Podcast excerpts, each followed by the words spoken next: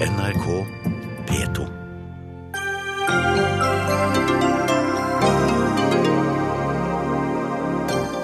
Tre går ut, fire nye kommer inn i Erna Solbergs regjering. Er det Per Sandbergs gode forhold til fisk som har utløst alt dette, spør Dagsnytt 18. Stortingets kontroll- og konstitusjonskomité oppfører seg som aktor og dommer om dagen, sier næringslivsnestor Egil Myklebust. Nå får eldre rett til å stå på venteliste til sykehjemsplass. Vil styrke pasientrettighetene, hevder regjeringen, kan føre til det stikk motsatte, hevder KS. Og OL-drømmen falt i grus. Nå krever Arbeiderpartiet penger til breddeidretten i stedet. Ap tror vi lever i et u-land, sier Høyre.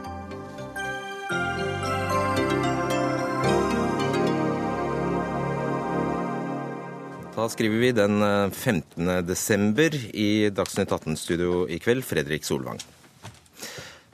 Robert Eriksson, Toril Vidvei og Tine Sundtoft skal ut. Inn kommer Per Sandberg, Linda Hofstad Helleland, Jon Georg Dale og Anniken Hauglie.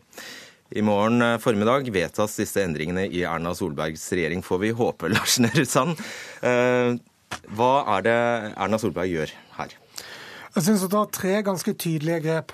Det største er å si at innvandrings- og integreringspolitikken i Norge må styres på en helt annen måte enn vi til nå har gjort det, og gjøre et nytt grep med å samle ansvaret i Justisdepartementet, men gi det til en ny statsråd. Og så er det selvfølgelig grunn til å merke seg at det er Frp som får den oppgaven i regjeringskollegiet. Og det er? Det er Sylvi Listhaug. Som du vel sa. Og så gjør statsministeren to andre grep.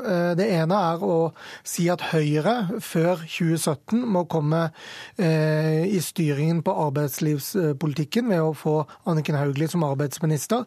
Da gjør Erna det også sånn at Høyre møter Arbeiderpartiet til kamp på arbeidslivspolitikken, og at, og at at man da Mista litt tråden? Ja, mista litt tråden. Men det som skjer, er jo da at, at Arbeiderpartiet og Høyre møtes til kamp om, om arbeidslivspolitikken når eh, arbeidsledigheten eh, stiger. Det tredje grepet hun gjør, med å bl.a. sette inn eh, Dale og, og Helleland og, og Sandberg, eh, tre nye navn, et eh, nytt navn i tillegg, eh, er å eh, si ganske klart at vi må eh, øke antallet eh, som har statsrådserfaring i de to borgerlige partiene, og tenker sånn sett på både seg selv og, kommende eh, Høyre- og Frp-partiledere som skal lage regjeringer i fremtiden. Nå er det eh, flere som har statsrådserfaring eh, i årene som kommer. Nå tror jeg vi skal gå til deg, Kristin Clemet, fordi eh, du er daglig leder i Civita. For jeg tror vi trenger en liten eh, oppklaring på hvem disse er, først som sist. Anniken Hauglie, la oss ta henne. Hvem er det? Ja, Hun eh, er jo tidligere sosialbyråd og kanskje mer kjent som tidligere skolebyråd i Oslo i det avgåtte borgerlige byrådet. og Ble en ganske profilert byråd. Jeg syns også en meget dyktig byråd. Og Jon Georg Dale. Han er statssekretær i Finansdepartementet og er fremskrittspartitist. En veldig ung mann. Han er bare litt over 30 år eh, og går for å være en eh, kommende stjerne eh, i Fremskrittspartiet. Du sier at det kan være helt andre hensyn enn de åpenbare som gjør at Erna Solberg velger å rokere om på, nå. Ja, altså det er ofte Når det spekuleres, og særlig når pressen spekulerer, så er det ofte veldig mange feilkilder i spekulasjonene. Fordi man ser bare deler av det arbeidet disse statsrådene gjør, og bare noen av de hensynene statsministeren må ta. Eh, Og fordi at En statsråd må jo da beherske ikke bare Stortinget, mediene, det å holde taler, men må jo også være en god eh, person innad i regjeringen, innad i departementet, styre underliggende etater osv. Alt det ser ikke vi like klart når vi står på, på, står på utsiden. Og så er det mange hensyn å ta. altså Det er jo kjønn, det er geografi, og så er det slike hensyn som Lars Nehru Sand var, var inne på. Hvor er det viktig at de respektive partiene er? Og Her kan man jo se at eh, Fremskrittspartiet får en veldig sterk hånd om innvandrings- og integreringspolitikken hvis disse spekulasjonene er riktige, eh, mens Høyre helt riktig da får et sterkere hånd om arbeidet og sosialfeltet. Og dette har jo dere i VG jobbet med i hele dag. Politisk kommentator Fridtjof Jacobsen. Og natt, kanskje, ja. Eh, og det har jo vært mye fram og tilbake i dag, og noe av det dere har skrevet, er altså at det hele utløstes av Sylvi Listhaug, eller mye, mye skjer av Sylvi Listhaug. Står dere fast ved det? Ja, Det er ikke jeg som har skrevet det, får jeg si. Men, men, nei, men, men sånne endringer jo, må jo begynne et sted. Vi har jo sett et ganske sånn nøye løp med at Sylvi Listhaug har blitt løftet frem gjennom flere måte, lekkasjer og saker i mediene de siste ukene om at hun var klar for noe større, og at det har vært en slags form for strategi på å liksom løfte navnet hennes. Nå får hun antageligvis en veldig tydelig posisjon. Og det er klart at det utløser jo noen ting. Men jeg er ikke helt sikker på om, jeg er ikke helt sikker på om det er den utløsende årsaken. Jeg tror heller at det handler om også et annet behov, nemlig at man gjør noe ganske dramatisk på statsministerens kontor hvis eh, disse spekulasjonene stemmer. Man legger ned eh, Vidar Helgesens rolle som stabssjef og EU-minister, og sitter nå antageligvis uten et slikt ledd på SMK. Eh, I hvert fall ikke som en del av regjeringen. Og det, og det tror jeg også har utløst noe at den rollen har ikke fungert noe særlig godt i denne regjeringen. og det var behov for å gjøre noe. En stabssjefsfunksjon, men man flytter da EU-ministerporteføljen. Det betyr at man ikke deler det på samme person. Og den skulle Aspaker nå få? Og det skjer da i Utenriksdepartementet på Victoria terrasse, litt eh, kortere vei til eh, utenriksministeren. Altså, Hvis det er riktig det man spekulerer i, at uh, Vidar Helgesen da blir miljøvernminister med veldig nære relasjoner til EU, og så får vi en europaminister i UD, og legger ned denne statsrådsposten på statsministerens kurs, så er ikke det oppsiktsvekkende i det hele tatt. Altså, Den har jo bare vært der en kort periode før, med Karl-Erik Schjøtt-Pedersen, forrige regjering. Men poenget er at den nåværende regjering arbeider mye veldig forskjellig fra det Stoltenberg II-regjeringen eh, gjorde. Nå jobber man mye mer i et kollektiv, og mye mindre underutvalg, og mye mindre via den typen stabssjef som Karl Erik Skjøtt-Pedersen var. Så jeg tror behovet for en sånn statsråd på statsministerens kontor er mye mindre nå enn det var. Okay. Eh, Tone Sofie Aglen, du er politisk eh, redaktør i Adresseavisa. Velkommen hit. Takk. Eh, det er altså to nye navn fra, i regjeringen fra ditt eh, område. Det er Per Sandberg og så er det Linda Hofstad Helleland. For å ta den siste først. Hvorfor tror du Helleland nå er funnet verdig en, posisjon, en post ved Kongens bord?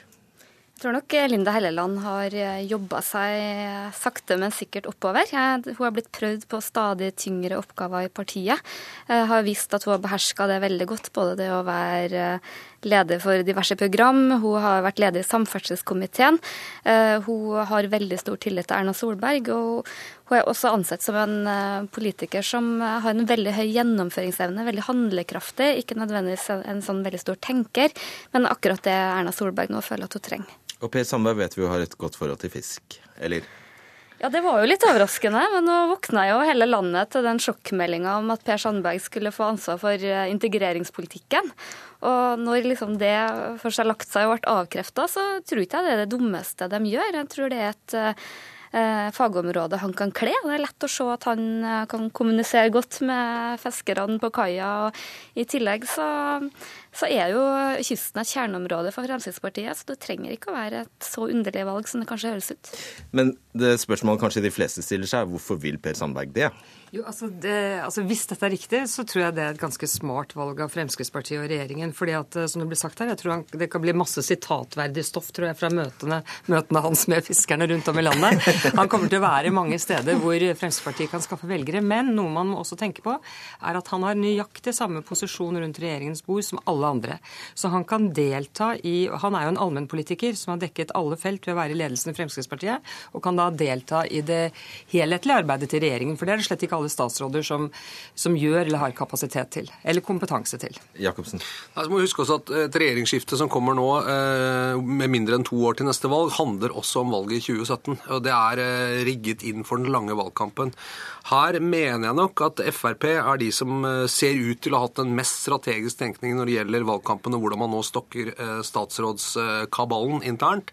Det er selvfølgelig mye mer fremskutt posisjon for Frp å sitte med både justis og en innvandrings- og integreringsminister. Arbeids- og sosialminister er ikke den samme typen valgkampvennlig eh, statsrådspost. Eh, mens Høyre eh, blir, tror jeg, også vil slite med denne regjeringskonstellasjonen og dette regjeringsrigget med synlighet. Nå tror jeg Linda Hofstad Helleland eh, har i hvert fall før vist at hun hadde evne til å være ganske sånn synlig og frittalende og klar politiker med, med sånn god touch hos folk. Men ellers er det fortsatt ganske grått Eh, og trist i Høyre, eh, tror jeg, på statsrådsplass. Og jeg lurer på hvordan det kommer til å gå oppslutningsmessig. Og så er det jo påfallende å se at en politiker som Nikolai Astrup fra Oslo parlamentarisk nestleder og regnes som en meget talentfull fyr, også vært viktig i diverse forlik, er heller ikke denne gangen funnet verdig en plass til denne regjeringen. Den gikk isteden til Anniken Hauglie fra Oslo i denne omgangen. Si to ord om det, Lars Nehru Sand. Hva, hva er det for noe? Det er jo et eh, Det er ikke nødvendigvis et, det er først og fremst et utslag av at Astrup har, eh, kanskje i enda større grad enn en, eh, i 2013, blitt så sentral i stortingsgruppen til Høyre, i hvert fall det som sies, at han er vanskeligere å flytte på vekk fra vekk fra stortingsgruppen. Men så er det noe tvil om at Astrup selv selvfølgelig hadde ønska å, å, være statsråd. Det er jo de fleste aktive politikere. Og i hvert fall med, med den faglige innsikten som, som, han har. Men når det gjelder Sandberg, så skal vi også huske på at Erna, nei, Siv Jensen får nå da begge nestlederne sine i, i regjering. Og som, som Clemet er inne på, så er det viktig for Frp å styrke sin tyngde rundt regjeringsbordet som sådan. Når de i tillegg til å ha justis og innvandring også beholder samferdselsministeren, så er eh, Frp, som Fridtjof eh, Jacobsen er inne på, veldig godt rigga for sine kjernesaker inn mot valget i, i 2017. Hva er kort, Jacobsen? Ja, to ord om Astrup. Jeg tror ikke det handler om det, Lars Nehru Sand. Jeg tror det handler om at eh, det er noe i den politiske historien mellom Nikolai Astrup og Erna Solberg rundt bråket om ledervervet i 2009 som fortsatt er sårt. Og det er, ikke sant, det er ikke noe, dette er noe mange snakker med det politiske miljøet, at det er en, noe annet enn en rent rasjonell grunn til at Nikolai Astrup holdes utenfor regjering gang etter gang. Da kan jeg komme med en tredje hypotese, og det er at han ikke er kvinne og ikke er fra Nord-Norge. Eh, det tror jeg også spiller inn. Men Vidar Helgesen kunne jo eh, bli nå klimaminister eh, istedenfor Nikolai Astrup, eh, som verken er kvinne eller fra Nord-Norge, så vidt jeg vet. Jo, ja, Vidar er fra Nord-Norge, faktisk. Nord men, ja. men, det er så, ja, men han satt allerede, i sånn.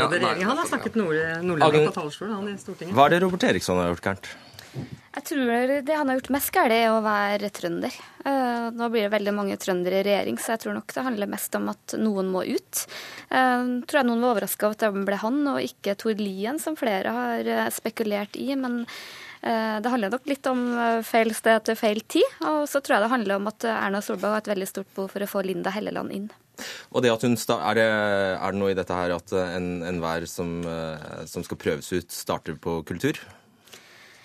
Jeg tror nok det er litt tilfeldig. Jeg tror Linda er en person som kunne ha kledd eh, veldig mange poster, men eh, jeg tror den regjeringa mangler det mangler litt farger, den mangler litt energi og litt sånn sprudling. Og jeg tror Linda kan tilføre regjeringa både litt engasjement og litt, og da tror jeg kulturområdet er et, et bra sted å få litt mer glamour i hverdagen. Lars Nehru Sand, eh, kan du skjønne hvorfor, hvorfor Sandberg skal inn nå? Annet enn valganalysen, så klart det, det handler jo om at, eh, at, Sandberg både selv har et ønske om det i større grad enn i 2013, og at eh, regjeringsskepsisen i Frp eh, åpenbart da er på et sånt nivå at selv han, nær sagt, eh, tar sjansen på å gå inn uten å miste eh, sitt bakland. Og Det skal vi jo også legge merke til, at, at det blir mer krevende nærmest å være eh, regjeringsskeptiker i Frp når man ikke har den Eh, politikeren med den tyngden som Sandberg eh, har vært, som kan ta de fightene i det offentlige rom med en annen tyngde enn mange andre som, som er på det mer regjeringskritiske eller lite velvillige laget som, som, Sandberg har vært en slags lynavleder for. Eh, så det at han nå går inn i regjering, skal vi helt klart legge merke til. Men, men, her er det også en, en, interessant ting, fordi at eh, Siv Jensen, som er leder av det partiet, hun har veldig dårlig tid til å reise rundt i landet. Fordi hun er finansminister, så må hun være i Oslo hele tiden, så å si. Så det å få en eh, statsråd inn som sitter i ledelsen, og som har muligheten til å reise veldig mye, fordi det ligger nærmest i, i posisjonens natur at en fiskeriminister gjør det, det kan også være gunstig for partiet i forhold til å holde kontakt med grasrota. Så tror jeg vi må se på at eh, Nå er det gått eh, regjeringen tiltrådte oktober 2013. Eh, situasjonen i dag er at Frp er opp mot 20 etter å ha sittet i regjering. Det har vært mye snakk om at Frp kommer til å gå under og sånn. Det partiet som har hatt suverent mest igjen i oppslutningspresset for det borgerlige eh, regjeringsprosjektet, er Frp. De tre andre partiene har det, ikke, har det enten stått stille eller gått mye dårligere med. Så det at Per Sandberg værer at det å sitte i regjering er noe bra for Frp, og at ønsket er å bli sittende også i fire år til, og da være en del av det, eh, det tror jeg heller ikke man skal undervurdere. Hvordan blir, det, hvordan blir det da motsatt i støttepartiene Venstre og KrF? Altså, eh, nå vet jeg ikke, Det er mulig at KrF har noe forhold til fisk også, som faller dem tungt for brystet. Men det er klart at, eh, at eh, det, det, smerter nok litt å se at, at, en mann som har lagt seg så til de grader med støttepartiene, nå får en plass inn ved bordet. Men de pustet i hvert fall lettet ut da de skjønte at han ikke skulle bli innvandrings- og integreringsminister. Eh, Lars Nehru Noen vil jo si at det er ganske dårlig gjort å sparke Tine Sundtoft ut rett etter den triumfen hun kom hjem med fra Paris.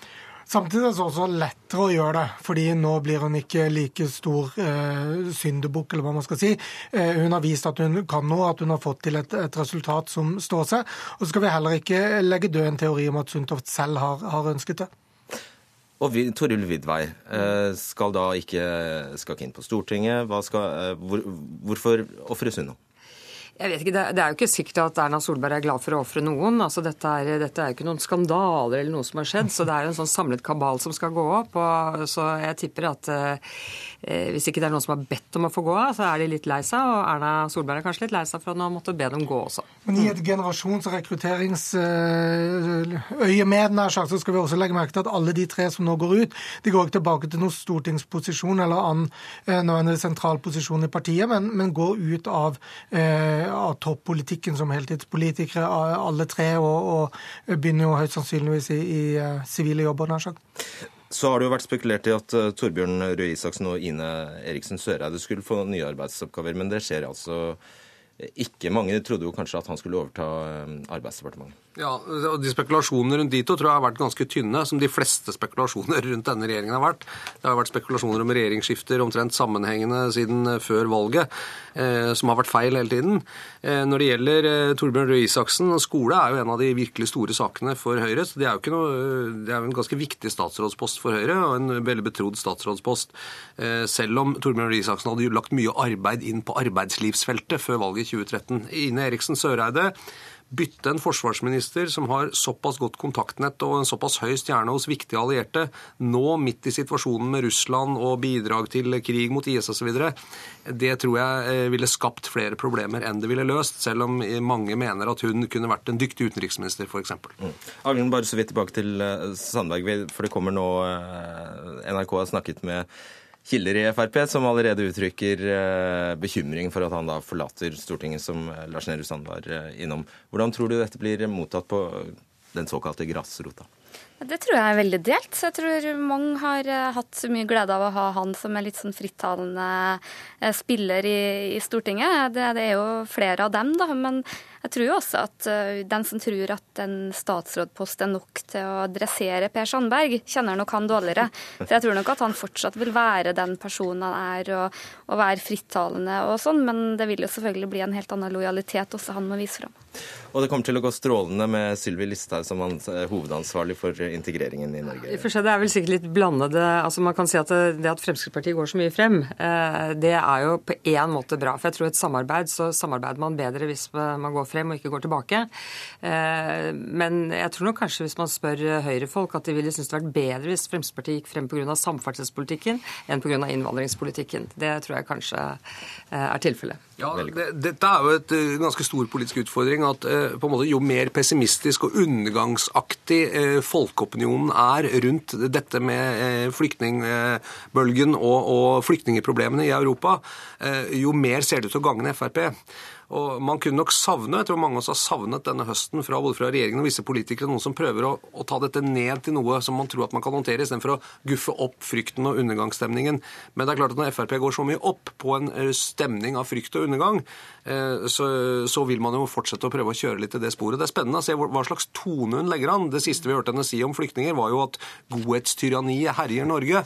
Eh, og om hun legger an den tonen i sin nye statsrådspost, så tror jeg vi kan få en veldig krevende politisk høst. Ikke minst minst for KrF og Venstre. politisk høst, tror jeg vi sier. KrF og Venstre, ja. Lars, tusen takk skal dere ha.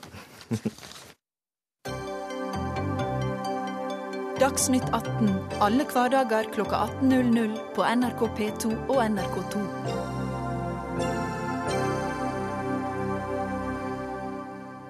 Neste spørsmål er hvorvidt Stortingets kontroll- og konstitusjonskomité i det hele tatt skal og kan undersøke om det har foregått korrupsjon i VimpelCom. Gjesten vår mener Stortinget beveger seg over i rollen som aktor og dommer. Og det er deg, Egil Myklebust, jurist, tidligere generaldirektør i Norsk Hydro, eh, tidligere styreleder i en rekke selskaper, deriblant SAS og Norske Skog. Velkommen hit. Takk skal du ha. Eh, ja, Du har jo som sagt da eh, god, bred erfaring med, eh, fra styringen av statseide selskaper. Vær så tydelig du kan. Hva er, det, eh, hva er den verste feilen Stortingets kontroll- og konstitusjonskomité har begått i denne VimpelCom-saken? Jeg syns den største feilen de gjør, er å tilta seg en rolle Stortinget ikke har. Nemlig å bevege seg inn på det som i vår maktfordeling i Norge mellom lovgiver, utøvende og dømmende myndighet går langt inn i den dømmende myndighet og inn i påtalemyndighetenes rolle. Vær konkret, hvordan... Det er den alvorligste feilen. Ved å holde åpne høringer? Ikke ved å holde åpne høringer generelt sett, men ved å holde åpne høringer med den innkallingen av vitner som de har gjort i det tilfellet som du refererer til til VimpelCom. For du er klar. Svaret på spørsmålet i introduksjonen her er helt klart nei, de skal ikke finne ut om det har foregått korrupsjon i VimpelCom. Det er ikke deres rolle. Stortinget skal ikke gå inn på den arenaen. Det er andre samfunnsaktører som skal ivareta den rollen. Dette henger også sammen med at når de innkaller vitner, og til dels også siktede, til møter i sin komité, så beveger det seg inn på et rom, område hvor vitner, siktede, tiltalte normalt har noen rettigheter som praktiseres kort oppsummert i et kontradiktorisk prinsipp, som innebærer at de skal komme til orde, og at de skal ha assistanse, og at det skal være en rolledeling. Det er det ikke, slik jeg oppfatter det, i Stortingets eh, konstitusjonskomité. Og det betyr at de det dreier seg om, blir fratatt rett og slett eh, de rettigheter de har som personer. At det blir en rettsløse, nesten? Ja, vel, Om de blir rettsløse kan jo diskuteres, men vi ser jo et eksempel på hvordan dette fungerer når en norsk statsborger blir anholdt av Økokrim. Eh, da vil han omgående få vite om sine rettigheter. Han vil få assistanse av en advokat. Når man da sikter ham, vil det bekreftes. Når de da ønsker å fengsle ham, vil han måtte fremstilles for domstolene. Når han fremstilles for domstolene, så har vi sett i to saker i, i, to nivåer av domstoler at de kommer til at det ikke foreligger skjellig grunn til mistanke. Nå snakker du altså om Jo Lunde? Nå, nå, snakker jeg om Jo Lunde, men det er et eksempel på et system som fungerer. Når jeg ser på Stortingets konstitusjonskomité, så fungerer det ikke slik. Det er ingen spesielle rettigheter for de som inviteres til å møte. I tillegg er det lett sånn at sier de nei, til å møte, så bebreides de for det, og sier de ja, så fremstilles de en slags gapestokk uten særlig muligheter for å pledere sin sak, ofte også fordi at de pga. pågående etterforskninger er pålagt taushetsplikt. Og er de ikke pålagt det av de som driver etterforskningen, så er de pålagt det av sin egen arbeidsgiver. Mm. Og er i en veldig problematisk situasjon. La oss eh, snakke litt om da konsekvensene. Du har nå beskrevet konsekvensene for vitnene. At de settes i en eh, situasjon der de eh, ikke nyter godt av helt, helt basale rettsstatsprinsipper eller, eller, rettsvern. Hva er konsekvensene for etterforskningen i en sånn situasjon? Ja, etterforskningen, Konsekvensen for etterforskningen, det som er den egentlige etterforskningen, har vi jo sett. Og det er at de som driver den, enten det er i Norge eller i andre land, bekymrer seg for det Stortinget bedriver, blir nødt til å gå til den norske riksadvokaten og be han prøve å stoppe Stortingets aktivitet, hvilket han gjør.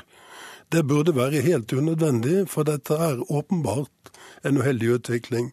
Men dette maktfordelingsprinsippet som gjelder i samfunnets eh, overordnede organisering, det gjelder jo egentlig også i selskapsstyringen, enten staten er eier eller ikke eier. Der er det også en rolle- og ansvarsavdeling hvor det er noen oppgaver fra aksjonærene. De skal utøves i generalforsamling.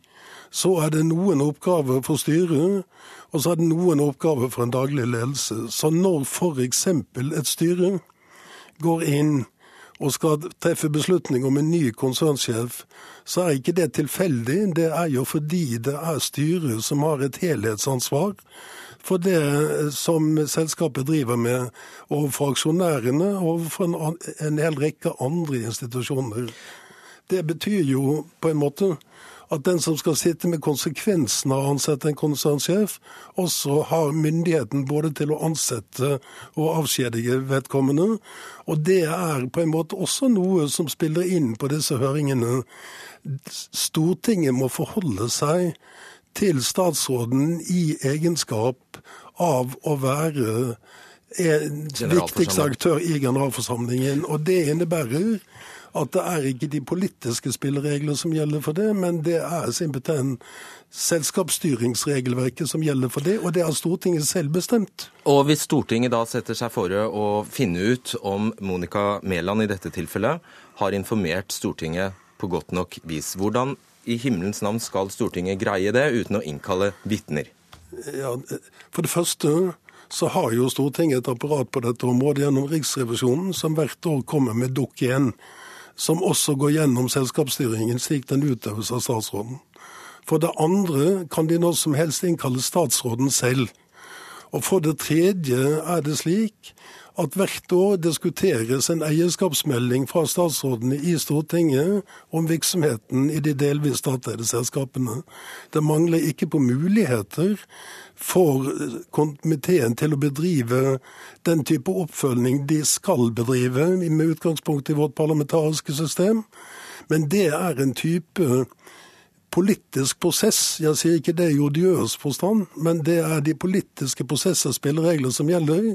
I selskapsstyringen og i strafferetten er det andre spilleregler som gjelder, og det syns jeg ikke komiteen forholder seg til. Vi i pressen beskyldes jo ofte for både å spille, spille rollen som etterforsker, påtalemyndighet og, og, dømmende makt. Men når saker da ofte oppklares eh, gjennom eh, pressen, la oss si et eh, ja, Det kan være en drapssak eller det kan være et justismord, så hylles jo pressen for det. Hvis eh, undersøkelsene til Stortingets kontroll- og konstitusjonskomité faktisk hadde medført at man avdekket korrupsjon i Telenor eller VimpelCom, da, så er vel det bare, det, så er vel det bare et gode? Det, nei, det er det slett ikke. Fordi at det er slik at Stortinget er noe helt annet enn pressen. Stortinget har en konstitusjonell rolle som bygger på et vel etablert og helt avgjørende viktig maktfordelingsprinsipp. Det er sånn samfunnet vårt er bygget opp. Det er slik beslutningsmekanismen er bygget opp. Og det er med all respekt for den fjerde statsmakt, så er det slik at du og dine kolleger er ikke Stortinget, og de er heller ikke dere. Så Stortinget må følge spilleregler i særlig grad, ikke minst fordi det er Stortinget selv som gir disse spillereglene. Og så kan man stille spørsmålet egentlig her om hvem er det som skal kontrollere kontrollkomiteen hvis den ikke gjør det selv. Vi lar det henge i lufta. Takk skal du ha, Egil Myklebust. Vi skal holde oss eh, ved temaet. Eh, for eh, i morgen skulle jo da egentlig kontrollkomiteen avholdt en høring i denne VimpelCom-saken. Den har blitt eh, utsatt etter at Riksadvokaten, som Myklebust var innom, advarte mot at høringen kunne gå utover etterforskningen. Bjørn Stordrange, du er høyesterettsadvokat med doktorgrad i statsforvaltningsrett, og du skrev i Dagens Næringsliv i går at Stortingets kontrollkomité ikke må utvikle seg til en form for folkedomstol som går inn i de andre statsorganers myndighetsområde. Eh, på hvilken måte er de på vei til å gjøre det? Ja, De gjør det på den måten som Myklebusten og meget treffende beskrev, ved at de påtar seg en form for etterforskningsrolle og dømmende rolle i saker som hører under andre statsorganer. Det gjør at Stortingets kontrollkomité gjør andres jobb, eller gjør andres jobb dårligere enn andre ville gjort den, og de forsømmer å gjøre sin egen jobb, som er å utøve kontroll med forvaltningen. Og Da må jeg stille samme spørsmål til deg. Hvorfor er dette farlig, egentlig? Tenk om, de finner, finner, tenk om de kommer fram til viktige svar, at det har foregått korrupsjon. Det må da hellige de fleste mål? Det, det er farlig på mange måter. Det er farlig fordi Stortinget går bort fra sine oppgaver og, og glemmer kanskje dem. Men hvis man ser konkret på hva som er skadelig ved at kontrollkomiteen driver etterforskningsvirksomhet, så skjer jo etterforskningsvirksomhet gjennom politi og påtalemyndighet i diskresjon, bak lukkede dører og ikke full offentlighet. Fordi allmennheten og andre involverte skal ikke vite om hva som blir sagt i vitneavhør og, og, og, lignende i en etterforskningsperiode. Mens i Stortinget er jo prinsippet at alt skal skje i full åpenhet, slik at alle får høre hva andre har å si. Og Der kan man tilpasse seg tilpasse forklaringene sine, og, og det er skadelig for enhver etterforskning. Og jeg tror at det er en av grunnene til at Riksadvokaten fant det nødvendig å råde Stortinget til å stoppe den, pågående, mm. den, den planlagte høringen. Hans Fredrik Grøvan, du er medlem av denne komiteen fra mm, Kristelig Folkeparti og representerer da det store flertallet som ønsket å gjennomføre en ny høring, men som så ombestemte seg da dere fikk dette brevet fra, fra Riksadvokaten. Da er det jo Stordranges eh, og Myklebust poeng eh, for så vidt at dette burde dere ha skjønt. Ja, eh, jeg hører det. Og la meg først si at jeg har jo ingen problem med å være enig i at vi skal ha tydelige roller i forhold til statsmakt. Vi er en lovgivende myndighet, og vi skal ikke gå inn og bli en dømmende eller ha en påtalemyndighetsrolle. Det som er saken her, eh, det er jo faktisk at dette er et av de store statseide selskapene eh, som nå er under eh, siktelse i forhold til eh, til dels grov korrupsjon. Det er jo enda ikke påvist, men det er en stor sak som har rulla nå lang tid. Eh, I tillegg så hadde vi en høring om samme sak i januar i år. Vi er blitt forelagt i etterkant, både av statsråd og Telenors ledelse, at den informasjonen som de kom med under høringen i januar, rett og slett eh, ikke var eh, korrekt. Det ble holdt tilbake informasjon. Korrupsjon er veldig viktig for Stortinget. Vi har nulltoleranse mot korrupsjon. Det å eh, holdt jeg på å si... Jo, men Nå snakker du deg litt vekk fra spørsmålet mitt. Spørsmålet var hvorfor du ikke innså, når, når du da adlyder dette brevet, og da innser at det dere var i ferd med å gjøre, ville kunne være skadelig for en etterforskning. Hvorfor, hvorfor, er ikke det en refleks hos dere? Jo, altså, Vi har jo også hatt andre saker. Vi har nettopp hatt høring nå i forhold til salg av forsvarsmateriell, hvor det også var en sikta som var til stede på høringen. Der ble det jo ikke stoppa av Riksadvokaten. Vi har jo ikke mulighet til å ha full innsyn i politietterforskningen. For oss var dette en sak. Det, det gjaldt, eh, grov, kunne gjelde grov korrupsjon. Eh, det var informasjon som var gitt til Stortinget som viste seg å være feil. Dette måtte få en oppfølging, og det er vår plikt å undersøke i forhold til statsrådens oppgave om eh, lover og regler som Stortinget har vedtatt er blitt fulgt. Okay. Per Olaf Lundteigen, du er også medlem av denne komiteen fra Senterpartiet. Og du er altså dette bitte lille mindretallet, som bare besto av deg, faktisk. Du stemte altså for å gjennomføre høringen åkkesom, til tross for dette brevet fra, fra Riksadvokaten. Hvorfor det? Ja, Sjølsagt. Altså, det er jo en veldig alvorlig sak. Og det er jo veldig mektige interesser som er involvert. Det skulle jo vært helt unødvendig å hatt en ny høring, for vi hadde jo en. Men så skjedde jo det at eh, statsråden mista tillit til eh, Svein Aaser, som var styreleder, fordi det ikke var snakka sant. Og dermed så kom vi i den situasjonen at vi måtte prøve å finne ut av om statsråden har, ukunnet, har eller kunnet ha utøvd en eierstyring i forhold til Telenor som er i henhold til Stortingets vilje. Og jeg vil understreke det. Det er statsrådens eierstyring som jeg som medlem i kontrollkomiteen hele tida har hatt et knallklart fokus på. Det er ikke etterforskning, korrupsjon, det kriminelle. Det er det andre som tar seg av. Og derfor så var det jo helt grunnleggende upassende. Og det er et forsiktig diplomatisk uttrykk i forhold til Riksadvokaten. Det var grunnleggende upassende at Riksadvokaten skulle blande seg inn i saken for at vi har en klar rolledeling, som Myklebust sa, i forholdet mellom de ulike maktene. Storting har sin rolle, regjeringen har sin rolle, den dømmende myndigheten og eh, som en del av systemet, Riksadvokaten har sin rolle. Stordrange, jeg ser deg ikke, men det aner meg at du vil eh, ja, vel, si noe. Veldig gjerne. For det første, det ble sagt at, at uh, Telenor er et statseid selskap. Telenor er så vidt jeg vet 54 eid av staten. Alle andre aksjonærer må man også respektere, og staten har som aksjonær ingen særrettigheter målt mot andre aksjonærer. Eh, og det er heller ikke riktig at Telenor er under siktelse, som det ble sagt.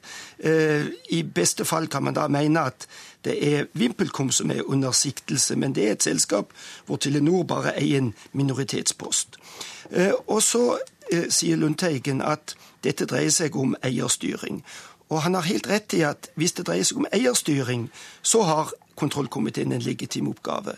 Men det er vel ingen som tror at statsråden har instruert om eller kikket mellom fingrene på at det foregår korrupsjon i Telenor. Da ville det vært galt. Da ville det vært kritikkverdig eierstyring. Og det ville også vært kritikkverdig eierstyring om hun hadde medvirket til å utpeke en korrupt styreleder eller et korrupt styre. Men slike bebreidelser er ingen som har fremmet. Mm. Og, og, da å, å rette kritikken mot et mot et minoritetseiet selskap hvor underordnede eventuelt har gjort noe kritikkverdig. Det er så langt fra statsrådsansvar som det går an å komme. Svar kort på det, Lundteigen. Det som er poenget vårt i kontrollkomiteen, det er å få belyst om statsråden har hatt mulighet til å utøve eierstyring i, på vegne av Stortinget i Telenor, hvor staten eier 54% og For å kunne få belyst om statsråden har hatt mulighet til å utøve eierstyring, så valgte vi å invitere de som var involvert i dette spørsmålet, slik at de kunne fortelle hva var statsrådens mulighet til å utøve det. Og når Riksadvokaten da sier at dette formålet er sammenfallende med temaet for etterforskningen, og hvis du fortsetter det, sier han, så vil du ødelegge etterforskningen. Da sier du egentlig ja, det bryr jeg meg bare ikke om. Det er helt upassende, fordi at fra min side så har det vært helt krystallklart at etterforskning og straffeprosessen, det er noen andre. Det er ikke kontrollkomiteen. Vi skal ha stålblikk på statsråden og statsrådens mulighet til å gjøre jobben sin. Men det som er bakgrunnen her, det er jo at når en etablerte VimpelCom i sin tid, i 2009, hvor du fikk hovedkontor i Nederland. Du fikk eh, skattekontor i Bermuda, i et skatteparadis. Det ble børsnotert i USA. Så lagde du en konstruksjon som det er min hypotese på at det var meget vanskelig for statsråden da å påse at eh, Telenor, hvor statsråden er majoritetseier, har mulighet til å følge opp de alle fine orda om etikk og nulltoleranse. For det har ikke mangla på flotte ja, ord fra statsråden.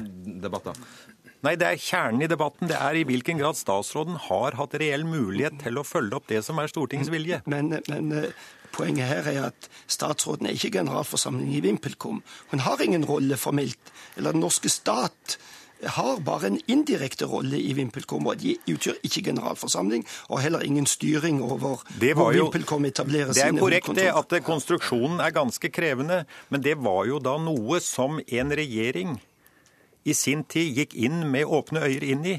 Og da må en fortelle det, at når en organiserer på den måten, ja vel, så har vi ikke mulighet til å utøve det eierskapet som en står i Stortinget og sier at en utøver.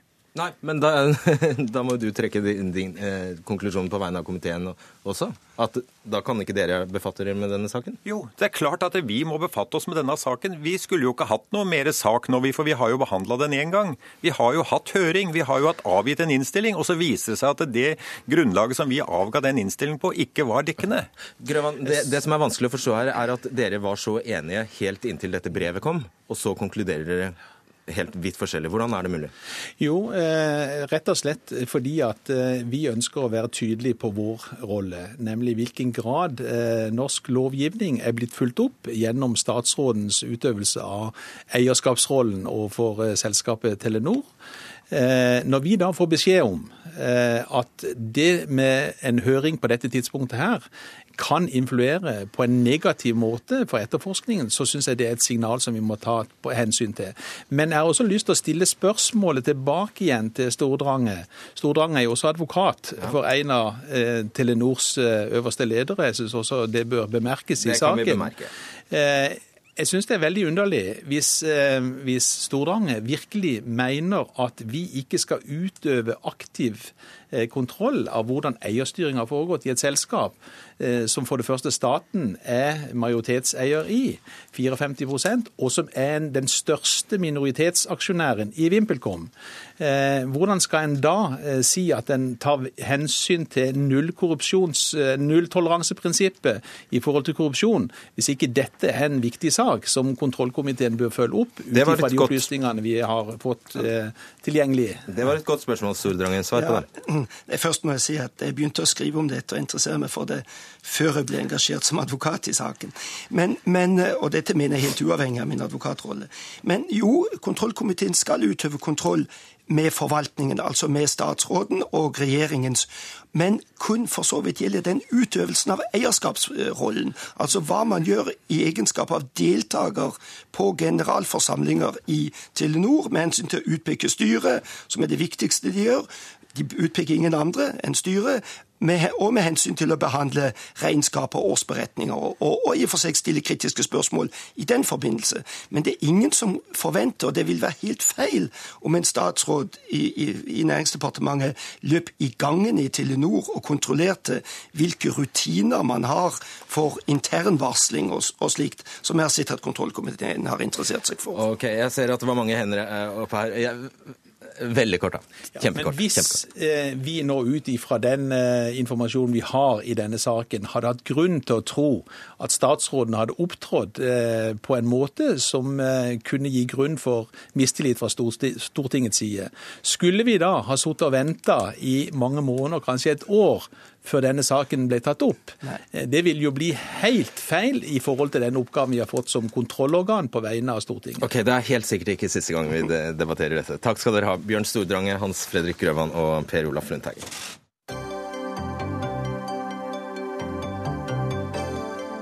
Hør Dagsnytt 18 når du vil. Radio NRK Radio.nrk.no. Regjeringen vil innføre en rett til sykehjemsplass eller heldøgns tjenester. Regjeringen vil innføre en plikt for kommunene til å lage lokale kriterier for langtidsopphold og å fatte enkeltvedtak. Og regjeringen gir pasientene rett til å stå på venteliste. Helse- og omsorgsminister Bent Høie fra Høyre. La oss si da at min eh, bestemor oppfyller disse nye kriteriene for tildeling av langtidsopphold. Eh, hun har fått et enkeltvedtak om dette, så får hun likevel ikke sykehjemsplass i kommunen sin.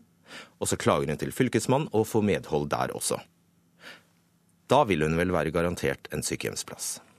Det er sånn at Hvis din bestemor eh, ikke kan få annen forsvarlig hjelp enn i sykehjem, så vil hun med denne lovendringen ha krav på umiddelbar sykehjemsplass. Eh, men, akkurat som det står i loven i dag? Eh, det står ikke akkurat sånn i loven i dag. for i dag står det bare at en har rett på forsvarlig helsehjelp. Nå blir dette veldig tydelig hva det innebærer.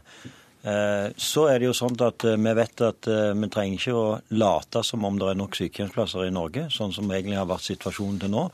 I realiteten så er det mange som i dag venter på sykehjemsplass, men som ikke får vedtak om at de faktisk har rett på plass. Og Det skaper usikkerhet, det skaper utrygghet for de det gjelder og for deres pårørende.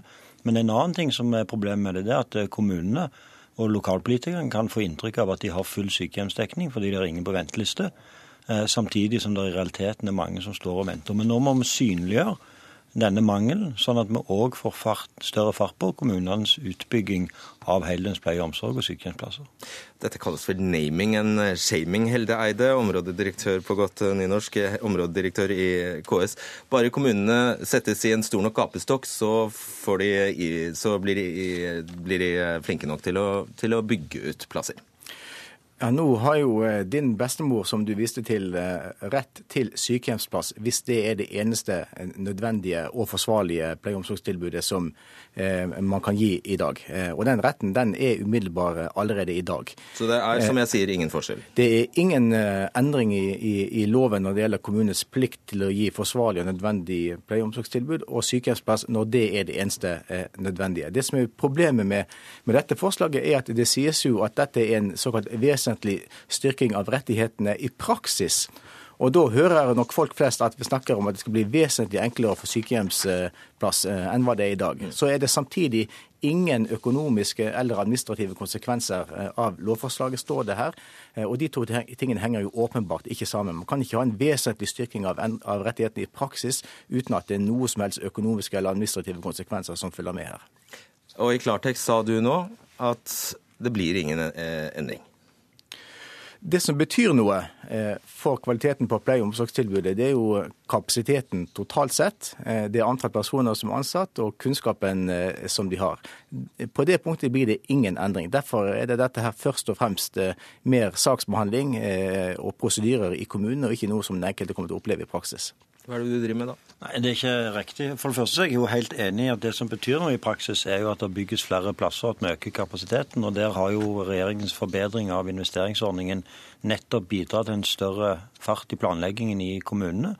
Eh, og så er det også sånn at Vi har innledet et godt samarbeid med KS om å få mer oversikt over situasjonen. Det er òg eh, veldig bra, og behovene framover. Men en del av dette handler òg om å ha oversikt over alle de som i dag venter på sykehjemsplass i realiteten, men som det ikke føres ventelister eh, på. Og Dette er ikke en eh, løsning som er plukka ut av lufta. Denne fungerer hos medlemmer i KS i dag, f.eks. i Stavanger kommune, der lokalpolitikerne til enhver tid kan få svar på hvor mange er det som venter på sykehjemsplass eh, hos oss. Og ikke minst som gir trygghet for at de som vet at de har fått vedtak om sykehjemsplass, vet at det ikke nødvendigvis går så mange dager eller uker før de får plass, og at de får plass når den er ledig. Du skal få slippe til igjen, eh, Eide. Bare først til deg, kommunikasjonssjef i Seniorsaken, Kristin Engelstad. Dere faktisk eh, mener at dette med ventelister er en god idé. Hvorfor det? Ja, altså Sykehjemsplass når man trenger det, har vært vår hjertesak i mange år. Og eh, Vi mener at dette kan legge et større press på kommunene, og også medføre større sikkerhet for pårørende og de trengende selv. Og det er jo faktisk slik at hvis man trenger sykehjemsplass, så er man syk. Eh, men så skriver jo Helsedirektoratet, altså Bent Høies eget direktorat, at dette med ventelister eh, synes å være et noe overdimensjonert virkemiddel. Særlig når det ikke gir noen rettigheter til å stå på denne. Så dette kan jo faktisk ta ressurser vekk fra Eh, fra den pasientbehandlingen dere ønsker? da? Altså det Vi ser at regjeringen nå går inn med lovfestet rett til sykehjemsplass med nasjonale kriterier og eh, krav om ventelister. Det er jo en ordentlig opprydning i eh, eldreomsorgen. Vi skal også ha med oss leder i Norsk geriatrisk forening, Nils Holand. Du mener det er for mye fokus rett og slett på sykehjemsplasser generelt. Og hvordan bidrar i så tilfelle regjeringens forslag til det? Norsk Kreativ Forening er skuffet over et så tungt fokus på retten til eh, sykehjemsplass. Altså, vi er positive til at ministeren tar tak i pasientrettighetene, men forslaget om en garanti for sykehjemsplass overskygger eh, retten til behandling. Og det er som eh, forrige taler sa, at når man trenger sykehjemsplass, så er man syk. Og Det som er viktig hvis man er syk, det er at man blir undersøkt og behandlet, og ikke satt på en venteliste. Eh, og Det viser seg jo at veldig mange av de som kommer på norske sykehjem i dag, kommer dit fordi at de ikke har blitt tilstrekkelig undersøkt og fått behandling mens det enda var noe å gjøre. Så det å få en sykehjemsplass er eh, egentlig en fallitterklæring til eh, helsevesenet for eldre. Det som er positivt for oss, det er jo at når det er så stort fokus på retten til sykehjemsplass, så er det også et fokus på helsetilbudet til eldre. Mm. Eh, Eide, bare så vidt tilbake til dette med ventelister. Det er vel et poeng at det i det minste vil gi en oversikt som ikke kan skade? Nei, på ingen måte så skader det ikke oversikt. Tvert imot, det er grunnleggende fornuftig å ha en oversikt eh, over behovene. Eh, det har Stavanger kommune. Det er en veldig bra drevet kommune. Men det er også veldig bra drevne kommuner i Stavangers umiddelbare nærhet som har andre systemer. Eh, som da ikke har dette formelle systemet med ventelister, men som likevel kjenner sitt behov like godt som, Stavanger. Og det kommer til uttrykk gjennom investeringsplanene og handlingsplanene til kommunene. Det som er problemet med denne ventelisten, er jo at det er ikke en en, en liste som gir en forsterket rettighet til plass. Det det først og fremst gjør, det er en synliggjøring av, av, et behov som man kjenner eh, allerede. I det øyeblikket det skulle bli en, en plass eh, som da blir ledig, så er det likevel slik at det blir individuelle vurderinger ut fra hva som eh, er behovene til de enkelte nye pasienter som kommer, og, og, og eksisterende pasienter. Man får bare inntrykk av at det er blitt en forsterket rettighet. Jeg synes, jeg synes det, det, som blir veldig tydelig sagt her, er at man skal presse kommunene gjennom dette til å utbygge eh, eller bygge flere sykehjemsplasser, som jo er et åpenbart behov. Der er vi hjertens enig med, med, med statsråden.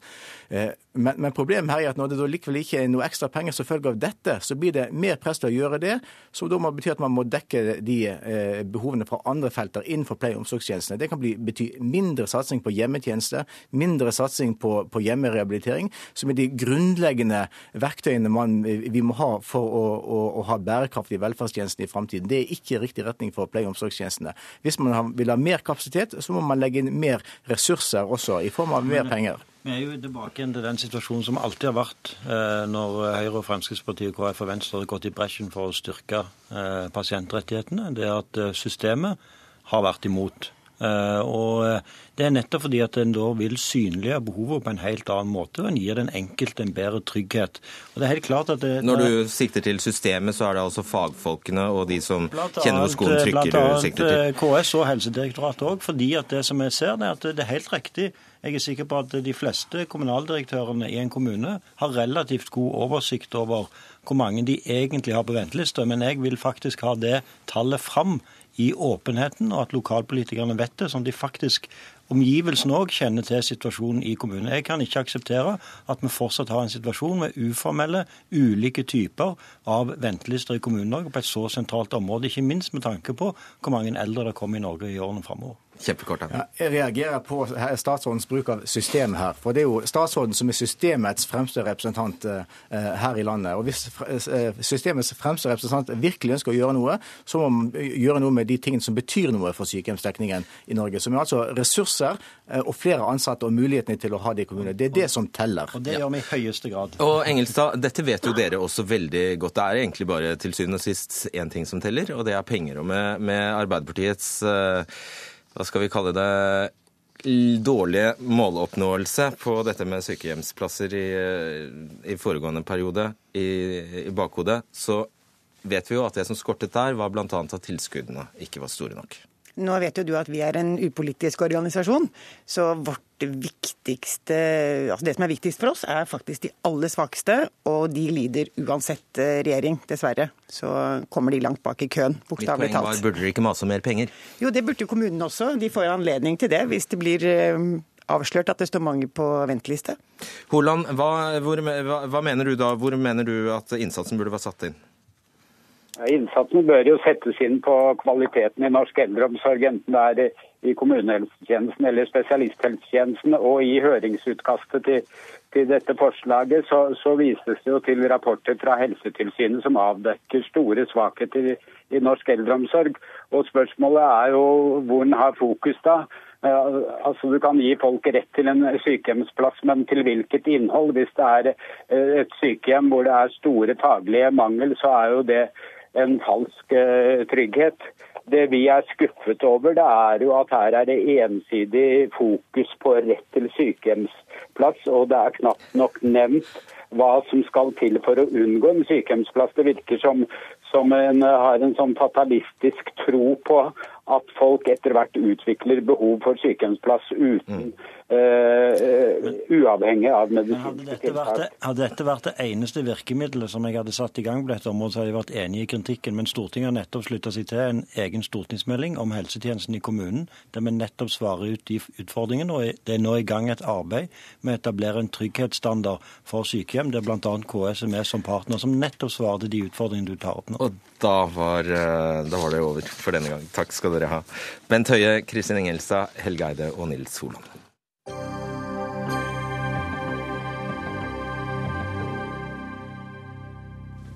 Høyre knuste drømmen om et vinter-OL i Norge, og begrunnet det med at de ville bruke pengene annerledes, nærmere bestemt på breddeidretten. Men hvor har pengene blitt av? Samtidig som politikerne sa nei til OL i Oslo 2022, ble det pratet om satsing på nye idrettsanlegg over hele landet. Og du, Rigmor Aasrud, stortingsrepresentant for Arbeiderpartiet, du forventer at eh, pengene må komme på bordet nå? Ja, Etter den debatten vi hadde i forbindelse med OL, så hadde jeg jo forventa at regjeringa hadde støtta opp om under breddeidretten. For det er ikke noe tvil om at i hele OL-debatten så var det et relevant argument at vi trenger penger til breddeidrett i Norge. Og når det første statsbudsjettet da, etter at man bestemte seg for at man ikke skulle gå for en OL-søknad i Norge, så hadde jeg forventa at det kom noen penger i statsbudsjettet fra regjeringas side. Og det hadde vært et veldig godt tidspunkt å komme med noen ekstra penger til idrettsanlegg på. Vi har stigende arbeidsledighet, og vi vet at bygging til idrettsanlegg kan være med på å sørge for at folk er i arbeid. Og nøyaktig, bare for å ha det på det rene, hvem var det som sa hva? Ja, Jeg oppfatter iallfall at regjeringas representanter var ganske tydelige på det, og at en del av debatten dreide seg om at man skulle bruke penger på breddeidrett uh, i, uh, i, den forbindelsen. I forkant av det som var av, av, av, den bestemmelsen som ble tatt på Høyres gruppemøte. Ok, Korsen, Eidem Løvaas, du er medlem av kulturkomiteen fra Høyre. Har dere lovet dette, at eh, når det først ikke ble et OL, så skulle pengene brukes på breddeidrett? Nei, eh, og det er en interessant debatt, for eh, vi må, gjerne, vi må gjerne ta den debatten. Men premisset blir litt feil. fordi hvis man går gjennom avisene fra dagen etter denne beslutningen ble tatt på Høyres gruppemøte, så er det ikke en eneste fra verken Høyre eller andre av de som sa nei, som, som bruker det som argument. Den eneste jeg klarte å finne som faktisk brukte det som argument dagen etterpå, var Rigmor, Rigmor Aasrud. Så jeg skjønner at hun brenner for det, men, men premisset er altså feil. Grunnen til at eh, det ble et nei den gangen, var både at gruppen var delt, og at det var en stor folkelig motstand eh, mot OL på det tidspunktet. Og det var også en del eh, krav som vi kjenner til fra IOC som var vanskelig å spise for, for alle. For å bruke bare veldig kort tid på det, så er det fortsatt ingen som vet hva Arbeiderpartiet mente om OL den gangen. Det så vel i alternative budsjettet til Arbeiderpartiet, denne satsingen på breddeidretten, vel? Ja, det gjør det. Vi har lagt inn 400 millioner i fjor og 200 millioner kroner i år for å bidra til at det etterslep som ligger på anlegg nå kan eh, finansieres. Men det, unnskyld, er... et OL koster jo ikke 400 millioner kroner. Nei, og, og det var vel ingen som tenkte at vi skulle ta hele den summen på ett år heller. Eh, men vi er nødt til å sette i gang et arbeid, for det er store behov for breddeidrettsanlegg rundt omkring i Norge. Og jeg er litt overraska over Kårstein Løvaas sier det han sier, for det er i hvert fall ikke noe tvil om at regjeringspartner Fremskrittspartiet var veldig tydelig på det her. Og når jeg ser høringsinnspillene som har kommet til komiteen i forbindelse med budsjettarbeid, så må jo hele Idrettsforbundet også ha misforstått, for de hadde jo også forventninger om at det skulle komme penger til breddeidretten nå. Men det Løvaas for så vidt eh, kan avklare her, da, at Høyre hadde ingen planer om å satse på breddeidrett. Det var det den andre regjeringspartneren som hadde. Og da er det jo litt uh, synd, syns jeg, at Høyre den, vant den kampen i regjeringa. Det ble ikke noe mer penger til breddeidretten i statsbudsjettet. Det er mye å ta tak i hvis vi prøver å begynne i en ende. 200 eh, millioner kroner eh, er vel og bra et alternativt budsjett, men det er jo et fiktivt budsjett. Og som vi har hørt i budsjettdebattene på Stortinget, så mangler jo Arbeiderpartiet 750 millioner kroner i inndekning på budsjettet sitt. Så det, det blir egentlig bare å sitte og, strø rundt seg med, med fantasillioner. Men uansett så, jo, så, blir det også galt å si at Høyre da ikke tar breddeidretten på alvor. Det første som skjedde i Oslo, eh, da byrådet innså at her blir det ikke et OL, var at de brettet opp ermene og satte i gang en storstilt plan for både opprustning og nybygg av idrettsanlegg i Oslo. Nå er det litt usikkert, for Rigmor Aasruds kompaner som har tatt over eh, byrådet i, eh, i, Oslo, de eh, har gjort idretten usikre, og nå vet man ikke hvordan det blir med de, med de planene. Men altså, i fjor da, over 1 milliard kroner til idretten. Det var en rekordoverføring av tippemidler. Vi ruster opp idrettsanlegg rundt omkring i Norge, og det bygges nye. Og og det høres ut som det, som det er smalhans rundt omkring. og det er klart det er stor forventning til flere kunstgressbaner og idrettshaller, men det bygges også ganske mye kunstgressflater og idrettshaller og andre idrettsanlegg. Ja, det er jo mange som sikkert sitter og tenker at så, så rundhåndet som du eventuelt måtte ha vært hvis vi hadde fått OL, så er det småtterier det som bevilges til breddeidretten nå. Ja, nå er det et etterslep på, på opp mot to milliarder. Mm. Det etterslepet har jo ikke kommet de siste to årene, for å si det på den måten. Men, men det er også sånn at eh, hvis vi ser oss rundt og ser på hva som faktisk skjer, da, så har nå de tre siste årene idretten fått 100 tilbake på momskompensasjon. Men, men det, er jo, det, er jo, altså Det er jo sånn at det var Arbeiderpartiets landsmøte som vedtok og la fram plan om at vi skulle opptrappe tippemidlene. Og så er det jo uh, med respekt å melde programleder til det Kårstein Løvaas sier om vårt uh, alternative statsbudsjett. Jeg bare minner om ei regjering som salderte sitt budsjett med poseavgift i fjor, og nå har ei flyplassavgift som vel ikke akkurat har framtida for seg. Og i Oslo så ligger det svært store etterslep på idrettsanlegg. Det er det viktig at vi kan møte, og da må vi iallfall begynne å sørge for at det etterslep som ligger der, blir spist opp.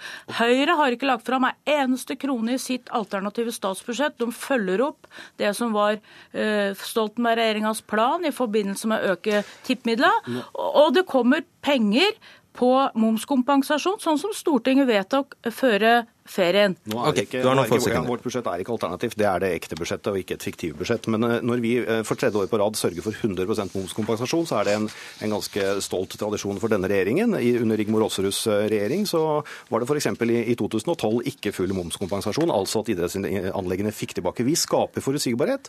Vi har også ryddet opp og tatt vare på Norsk Tipping, slik at vi har forutsigbarhet for idrettsanleggene, som Og- jo faktisk skal ha disse pengene. Der må vi sette strek. Takk skal dere ha.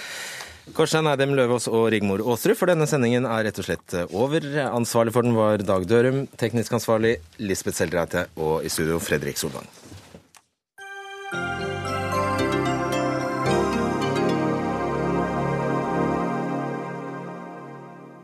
Hør flere podkaster på nrk.no podkast.